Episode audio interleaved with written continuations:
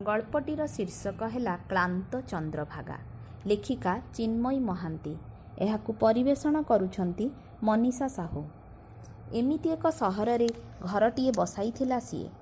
ଯେଉଁଠି ଆପଣାର ମନେ ହେଉଥିବା ସମସ୍ତେ ଥିଲେ ତା ପାଇଁ ସାତପର। ସକାଳୁ ସକାଳୁ ସେ ଉଠି ଯାଉଥିଲା। ବଗିଚାରେ ବୁଲି ବୁଲି ଜାତି ଜାତି ଫୁଲ ସବୁ ତୋଳି ଆଣୁଥିଲା ଠାକୁର ପୂଜା କରିବା ପାଇଁ। ହେଲେ ଜୁଇ ଜାଇ ହେନା ମାଳତୀ ମଲ୍ଲି କେଉଁ ଫୁଲରେ ବି ମହକ ନଥିଲା। ସେଇ ବାସହୀନ ଫୁଲରେ ଠାକୁରଙ୍କୁ ସଜାଉଥିଲା ଭଜନ ଜଣାଣ ଗାଉଥିଲା। ହେଲେ ସେଇ ସଙ୍ଗୀତର ସୁର ସବୁ କେମିତି ବେସୁରା ମନେ ହେଉଥିଲା। ଆଖିରୁ ଅସରା ଅସରା ଲୁହ ନିଗାଡ଼ି ଦେଉଥିଲା ହେଲେ ଠାକୁରଙ୍କ ପାଦରେ ଭିଜେଇ ପାରୁନଥିଲା। ସେ ଅନୁଭବ କରୁଥିଲା ତା ସହରର ଆକାଶରେ ଉଇଁଥିବା ସୂର୍ଯ୍ୟରେ ଉଜ୍ଜଳତା ନଥିଲା କି ନଥିଲା ଉଷ୍ମତା ଜହ୍ନରେ ବି ନଥିଲା ଶୀତଳତା। ତା ସହରର ଉପାନ୍ତରେ ବହୁଥିବା ନଈରେ ନଥିଲା ଚଞ୍ଚଳତା କି ନଥିଲା ସମୁଦ୍ରରେ ମିଶିଯିବା ପାଇଁ ପ୍ରଗଳ୍ଭ ଆବେଗ। ତା ସହରକୁ ଫଗୁଣ ଆସୁଥିଲା ସାଥିରେ କିନ୍ତୁ ଆସୁନଥିଲା ମଳୟ। କେଉଁଠି ବି ଶୁଣାଯାଉନଥିଲା କୋହିଲିର କୁହୁ କୁହୁ ସୁର କୃଷ୍ଣଚୂଡ଼ାର ରଙ୍ଗ ସବୁ କେମିତି ଫିକା ଫିକା ବିବର୍ଣ୍ଣ। ବର୍ଷାରେ ଛନ୍ଦହୀନ ନୂପୁର ଶବ୍ଦରେ ତା ସହରରେ କଦମ୍ବ ଫୁଟୁନଥିଲା। ଗୋଟିଏ ପରେ ଗୋଟିଏ ଋତୁ ତା ସହରକୁ ଆସୁଥିଲେ। କିନ୍ତୁ ସେ ସବୁକୁ ଅନୁଭବ କରିବା ଆଗରୁ ସେମାନେ ଫେରି ଯାଉଥିଲେ ନୀରବରେ ଅତି ଗୋପନରେ।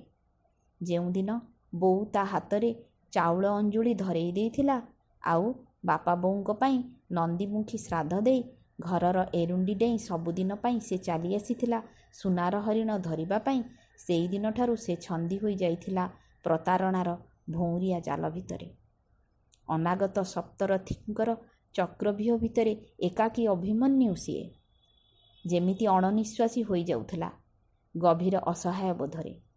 ଯିଏ ତାର କୁନି କୁନି ହାତ ଧରି ଚାଲି ଶିଖାଇଥିଲେ ତାକୁ ବୁକୁରେ ଚାପି ଧରି ସାତ ରାଜ୍ୟର ସୁଖ ମିଳିଗଲା ବୋଲି ଖୁସିରେ ଫାଟି ପଡ଼ୁଥିଲେ ଆଉ ତା ଆଖିରୁ ଟୋପାଏ ଲୁହ ଝରିଲେ ଯାହା ହୃଦୟରୁ ଝରି ପଡ଼ୁଥିଲା ଥୋପା ଥୋପା ଲହୁ।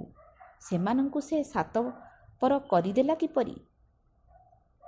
ତାଙ୍କଠାରୁ ତାଙ୍କର ସବୁ ଅଧିକାରକୁ ଛଡ଼େଇ ନେଇ ଚାଲି ଆସିପାରିଲା ସେ? ସେଦିନ ଆକାଶଟା କାହିଁକି ତା ମୁଣ୍ଡ ଉପରେ ଛିଡ଼ି ପଡ଼ିଲାନି? କାହିଁକି ତା ପାଦ ତଳର ମାଟି ଫାଟି ଦି ଭାଗ ହୋଇଗଲାନି? ଏବେ ଚାରିପଟେ ତାର ଖାଲି ଛଳନାର ବହ୍ନିଶିକା। ହୁତୁ ହୁତୁ ହୋଇ ଜଳି ଚାଲିଛି। ମୁଖାପିଧା ମଣିଷ। ମାନଙ୍କ ଅଟହାସ୍ୟରେ କାନ ତାର ତାବଦା ହୋଇଯାଉଛି। ଏ ଶିଖା ତା ପାଇଁ ଜୁଇନିଆ ପାଲଟି ଯାଆନ୍ତାନି? ଥକି ପଡ଼ିଥିବା ଶକ୍ତିହୀନ ଚନ୍ଦ୍ରଭାଗା ସିଏ। ହଜେଇ ଦେଇଥିବା ଦୁଇଟି ଆତ୍ମାର ଗଭୀର ଆଶ୍ଳେଷ ଚାହେଁ ସେ। ତାଙ୍କରି କୋଳରେ ଟିକିଏ ଥକା ମାରିବାକୁ ଚାହେଁ। ନାନାବାୟା ଗୀତ ଶୁଣି ଶୁଣି ଶୋଇଯିବାକୁ ଚାହେଁ ସବୁଦିନ ପାଇଁ।